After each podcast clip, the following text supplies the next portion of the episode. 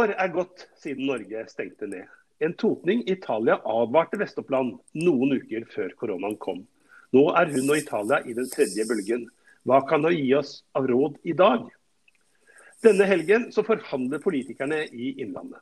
For onsdag er det fylkesting, og da skal Innlandet fortelle Helse Sør-Øst om hvor de ønsker sykehusene i regionen.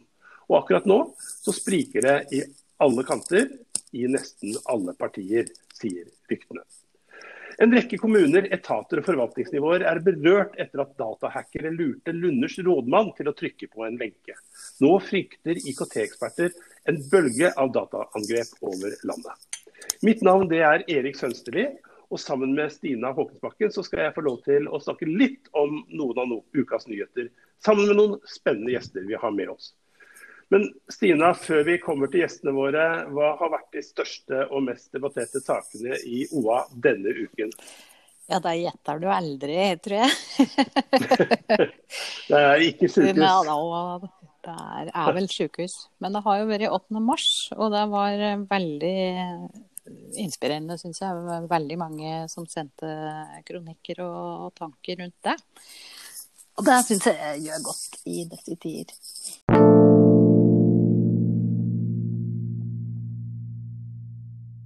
Det hersker kaos om framtidens sykehusstruktur i Innlandet. Onsdag skal fylkestinget gi sitt svar til Helse Sør-Øst om hvor de nye sykehusene skal ligge. Partiene spriker. Det er også uenighet internt i partiene.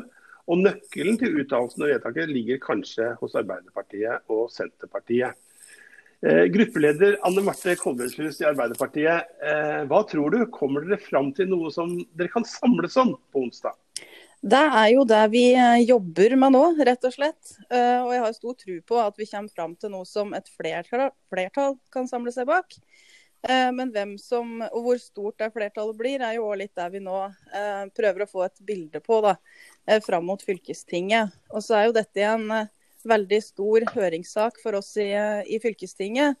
Men sånn metoden å jobbe med politiske saker på er jo relativt lik for vår del. da.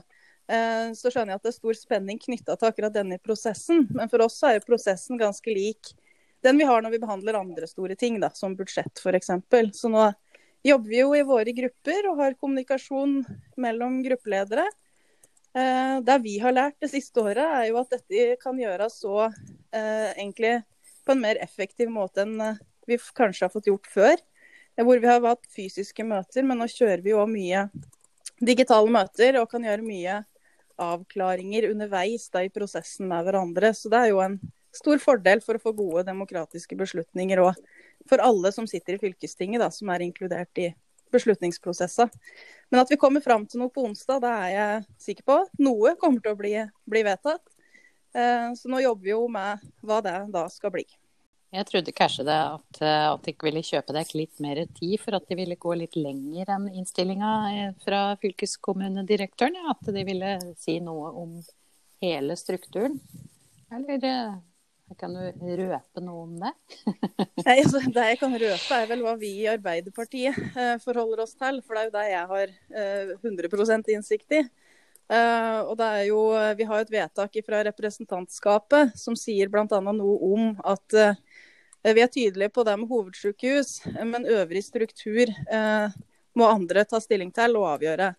Men, men hvordan tenker du om hvordan sykehusstriden har utvikla seg i Innlandet? Ja, Hvor skal den begynne da, da? Det er egentlig mitt første spørsmål. For hvor mye har nå egentlig utvikla seg? Skjønner jeg jo at det er et spørsmål en kan stille. Eh, jeg syns det er veldig uheldig at en fikk det utgangspunktet vi nå fikk. da. Eh, med den eh, lite egentlig forståelsen av debatten som har vært i gamle Oppland og gamle Hedmark, og hva vi har jobba oss fram til politisk som en enighet når det gjelder Mjøsbrua over mange år, at det ikke ble vektlagt mer eh, når en starta med å komme ut med noe fra Helse Sør-Øst. Det syns jeg er veldig synd.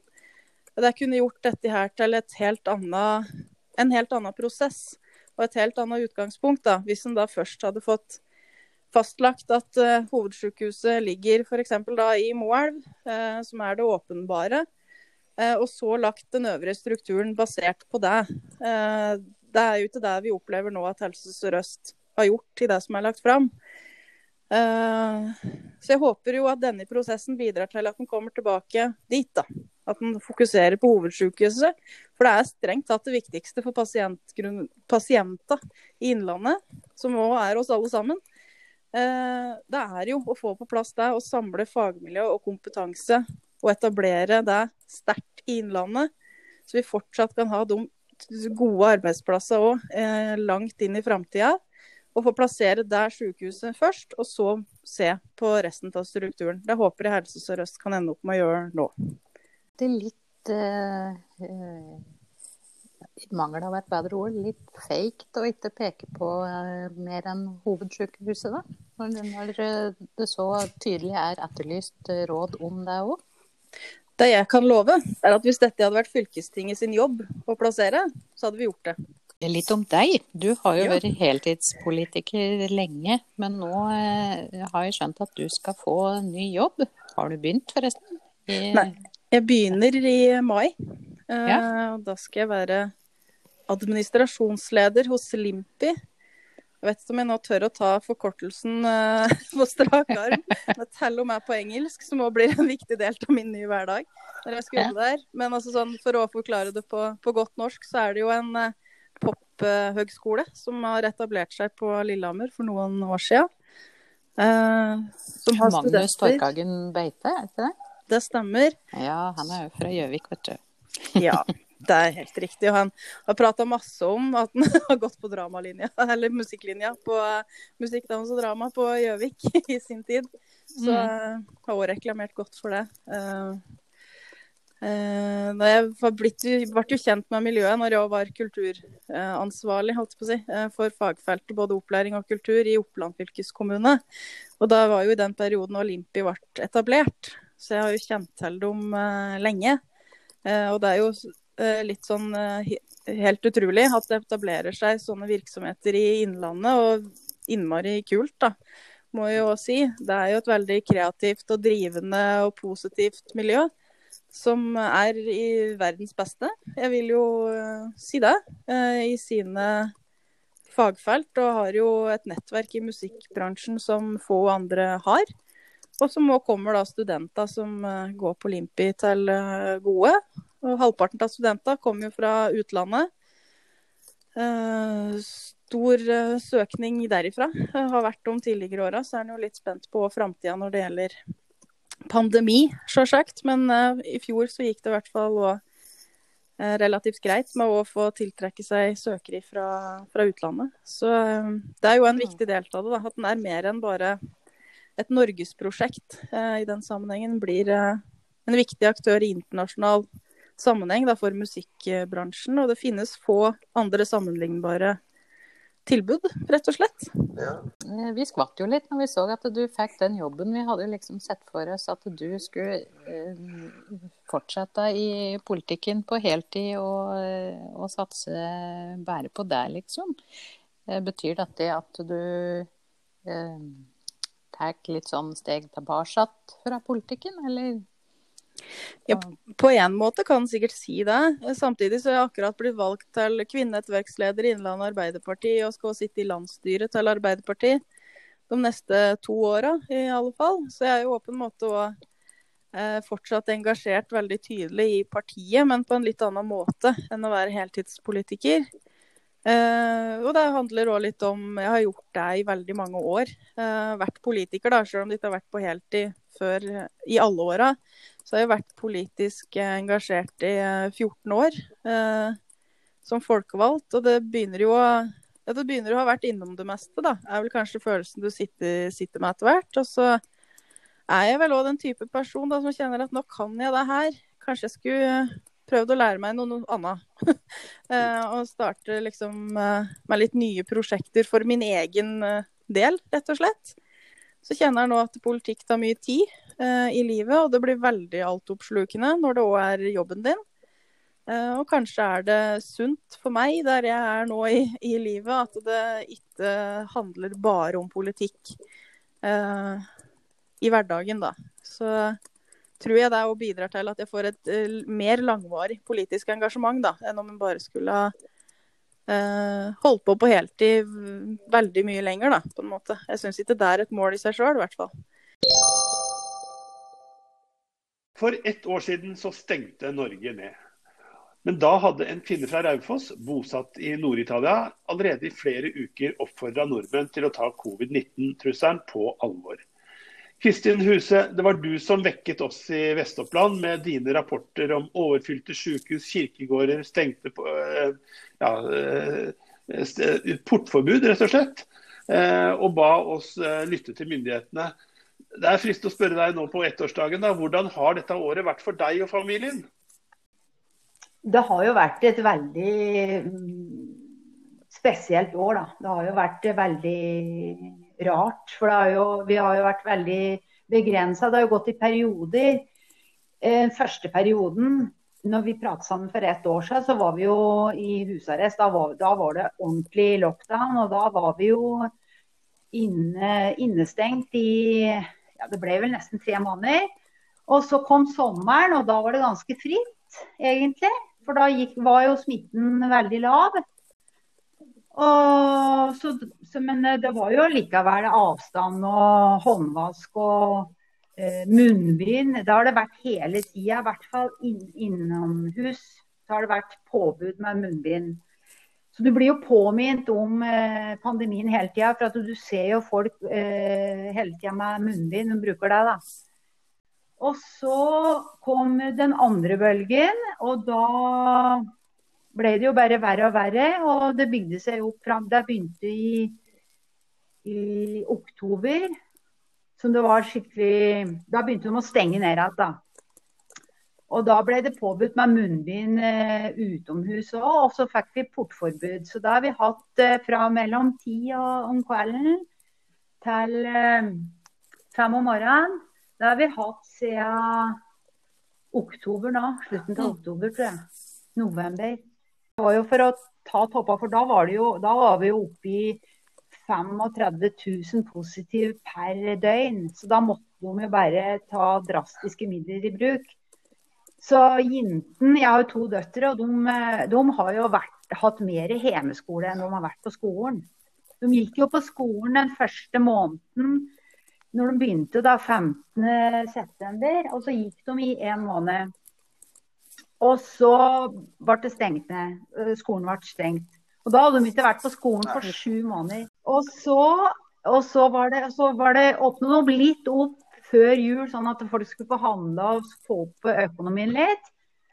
Men så i jula så var det jo helt eh, nedstengt. og ikke, Vi skulle ikke beveges. Eh, vi måtte holde oss innen vår egen kommune. og ja, og så, og så gikk smitta ned, da, for de stenger ned, og så går smitta ned. og så begynner vi å bevege oss igjen, og så åpner de opp. Og så nå har de f.eks. Eh, gått på skolen annenhver uke, og restauranter har fått vært oppe på dagtid. og etter jul, og så har det gått gradvis jevnt ned, og nå er det på tur opp igjen. Så nå er det tredje bølgen. Hvordan lever du, ja. du, og dere akkurat nå? Er det, er det, sånn at det er forbudt å gå ja, ut akkurat nå. Nei, vi har fortsatt portforbud. Så det er mellom ti og, og fem om morgenen. Da kan du ikke være ute. Det var jo en eh, som skrev om han hadde vært ute og kastet søpla. Og fikk 400 euro i bot. Så De skriver om sånne tilfeller innimellom da, for å liksom ja, for å gjøre folk oppmerksomme på at det er faktisk disse reglene her. Og hvis du bryter dem, så må du betale for det. Så, så, så vi, det, er, det, er, jo veldig begrenset sosialt, f.eks. Vi, vi er jo ikke sosiale med noen. For det er jo ikke Du, du, du, du får jo ikke møtt folk, og det er jo ikke noe som skjer, liksom. Det er jo monotont. og Det går i samme tralten hele tida, liksom. Det er og jentene går på skole annenhver uke, men det, den kommer til å bli stengt nå, tror jeg. Men grunnen til at de er så um, det er, det er, Smitten sprer seg så raskt pga. Altså, den britiske varianten og, og den sørafrikanske og, og, brasilianske. Og den sprer seg spesielt blant uh, unge, så derfor så vil de uh, De er veldig kjappe med å stenge ned skolen. da. Mm. For da har jo vi sluppet myta. Mm. Siste, men kanskje det jeg så Ja. den brasilianske var påvist i Norge nå. Men dette med at, eh, at folk får uh, bøter 400 euro, det er jo litt liksom Er det politi som følger meg på det, eller er det sånn uh, sjøljustis nærmest? Nei, nei det, er, det er politi som, som har, de har patruljer som kjører rundt og, og, og sjekker. da. Nå skal de driver med å prate på at de skal stenge ned enda mer i helgen nå. At du ikke har lov til, eksempel nå er vi oransje. Vi har ikke lov til å reise ut av kommunen. Nei. Jeg må holde med i Venezia kommune. Eh, og på helg òg så vil de at folk skal uh, at det skal bli strengere. Da, at du ikke skal reise på stranda, du skal ikke reise opp i fjellet. At du, du, vi, vi får veldig begrenset bevegelighetsfrihet. da. Og der, der merker vi, Men vi, vi bor jo i en ganske stor kommune, da, så vi kan bevege oss fritt innen kommunen. Men vi er jo oppfordra til å bære, være ute blant folk.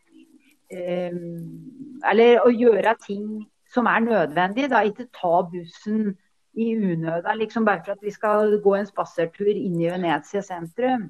Eh, jeg så nå at Italia hadde passert 100 000 koronadødsfall. Eh, Ja. Eh, hva, eh, jeg hadde nær sagt, er, er, du, er du og familien redd? Jeg, jeg føler ikke at jeg er eh, jeg, jeg er ikke så redd nå som da jeg var kanskje i, for ett år siden. For å bli syk sjøl. Men det er jo det at du er redd. Du er jo litt redd for å så, så smitte, smitte andre, da. Går vaksineringa i Italia? Jo, den går framover. Den har jo blitt forsinka pga. at de greide ikke å levere alle vaksinen. Så den, det vaksineprogrammet der var sånn det var satt opp. Så hvis alt går etter planen, og alt skulle ha gått etter planen, så skulle vi vært ferdig vaksinert til slutten av eh, slutten av august. Ligger bra an. Vi gjør det. Alt helsepersonell er jo vaksinert, og alle som jobber på sykehus, som vasker, som har eh, hjelp, til og med sånne frivillige, mange av dem er vaksinerte. Og også alle som bor på sykehjem. Og, og, nå driver de med lærere og politi og militære, de som har viktige funksjoner i samfunnet. Og barne, barnehagelærere. Og på universitet og høgskoler og videregående og sånn. Og så driver de med de eldste i befolkningen da, som, er, som bor hjemme. Hva har dette året betydd for deg? Hva, har du savna mest, og hva har du opplevd som Eller er det noe ved dette som du har opplevd som positivt? Ja, jeg, jeg savner jo da den friheten, at du kan reise Før så kunne jeg reise hvor jeg ville, når jeg ville. Da bevegelsesfrihet Da kunne jeg reise til Norge jeg, hvis jeg følte for det. Jeg var jo der hele tida, men nå når jeg ikke kan reise dit, så blir det jo ekstra ille.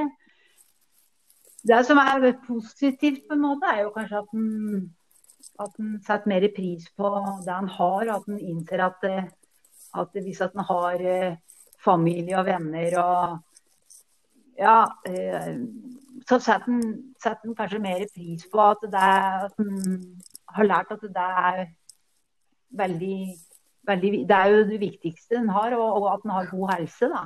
Beste rådet til du gir oss nå, da? Eh, som ligger liksom litt foran oss i smittebølgen igjen nå? Nå er jo Norge et, et, et, Det er jo et like stort land sånn arealmessig. Men i Norge så er det ikke så mye folk. Sånn at det, det er jo i de store byene at det er mest smitte. Men, men det er jo Det er jo Når, når han driver og flytter på seg og kjører hit og dit, og så er han innom en butikk, og så møter han noen folk der, og så Da, da, da flytter smitten på seg òg. Det er helt uunngåelig. Så minst mulig bevegelse i samfunnet. At en gjør det bare som er strengt tatt nødvendig. Selvsagt å holde avstand. Og så er det utrolig viktig å bruke munnbind. Altså. Jeg tenker at det, Du bor jo rett ved vakre Venezia, og det er jo bilder av kjente plasser for oss som har vært, på, vært turister der. Men, men antagelig for, for deg, Vi kan jo savne å kunne reise ja. til Venezia, men antagelig så, så, så, kjenner du antagelig litt på savnet etter Raufoss og, og Vest-Oppland nå, du nå? Ja, ja, ja, ja, det gjør jeg. Jeg savner skikkelig å reise Eh, å reise hjem igjen, eh, komme til Raufoss og reise og besøke. Jeg håper jo at jeg skal få reist eh, og, besøke, og treffe folk i Oslo òg, vi får se hvordan ting er da. Jeg tar jo ingenting for gitt lenger. men, men det, det gjør jeg virkelig, altså.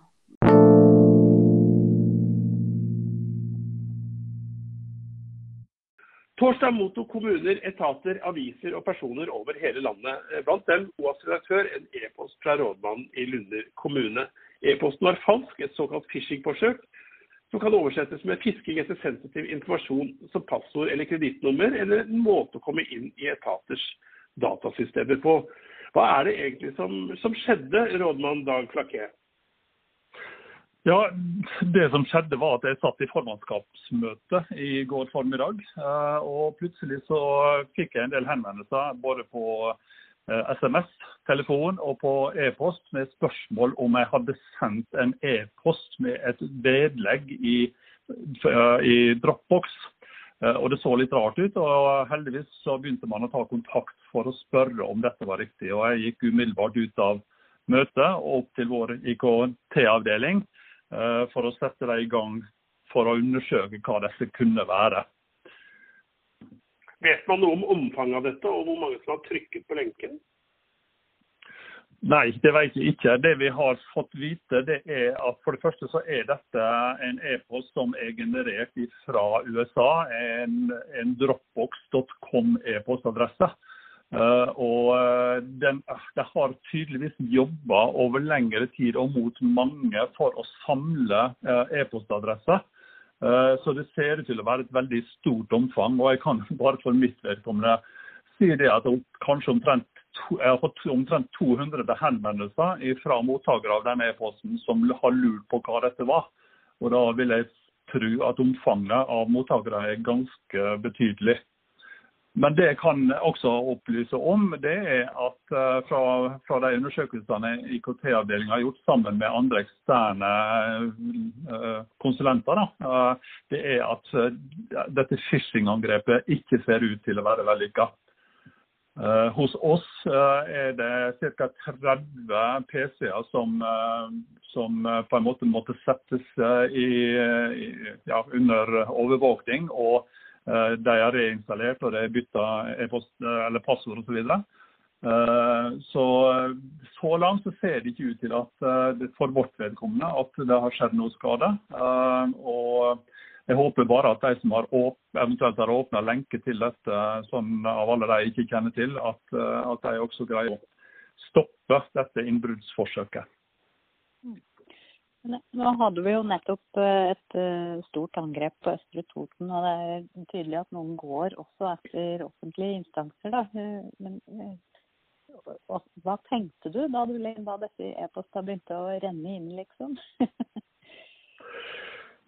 ja, altså jeg tenkte jo først hva i all verden kan dette være, og hva, hva er det som er skadepotensialet. For det har jeg rett og slett ikke noe sånn egen formening om. Uh, og Det var derfor jeg, jeg, jeg gikk direkte til IKT. og de, Det var jo eh, flere der som da bare stoppa alt annet arbeid og jobba kontinuerlig i hele går.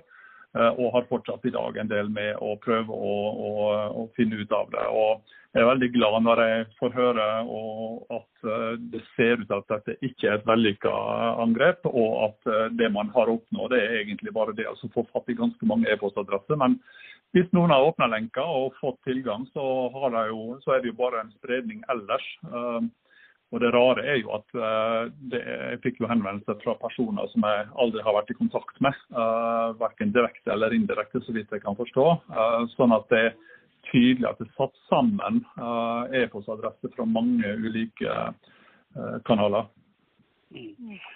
I, I Østre Toten så ble over 240 datasystemer eh, ja, kapret, rett og slett. Og, og de datakriminelle krever løsepenger for å gi dem tilbake.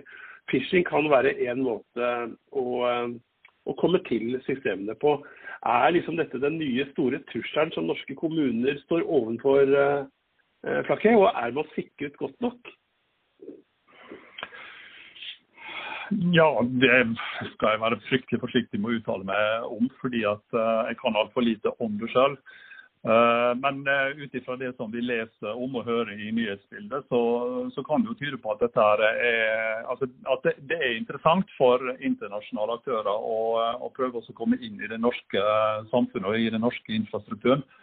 Og, og, og, Phishing er sikkert en sånn metode. og Vi har jo hørt fra Stortinget også om dette her med exchange-serveren til Microsoft som, som er infisert. og sånn, og Det er sikkert en annen måte å gjøre det på.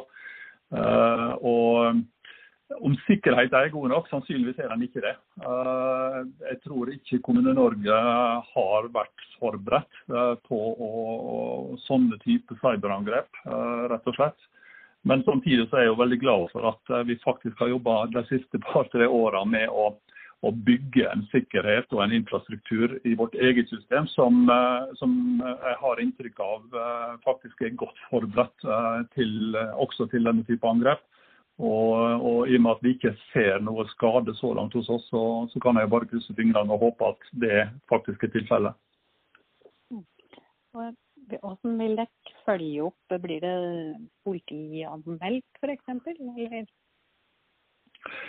Det har vi ikke vurdert ennå. Eh, jeg, eh, jeg, har hatt hjemmekontor og fulgt med på andre typer ting i dag, så jeg har ikke fått snakka så mye direkte i dag med, med verken IKT eller andre hos oss. Eh, så vi vil jo vurdere det.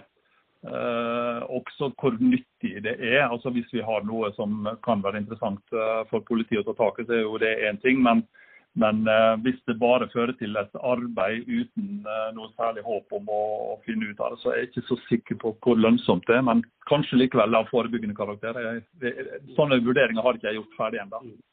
Men i, i, hvilken grad har dine IKT-folk eh, eh, gitt uttrykk for at det, det er noen grunn til å frykte at det på en måte kan være et slags forvarsel om et, et dataangrep eh, mot systemene deres?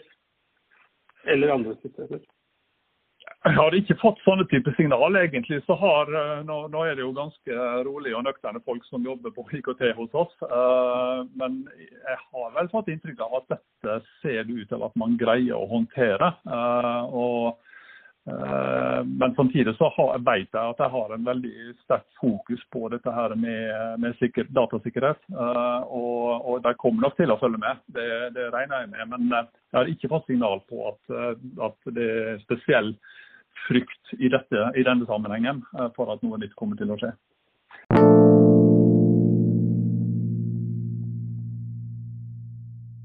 Ja, Stina, det er tid for ukas blomst. Jeg, kan jeg begynne i dag? Absolutt. Jeg tror jeg skal sende en blomst til Jens Petter Ødegaard, han eieren av Styrkehuset på Lena.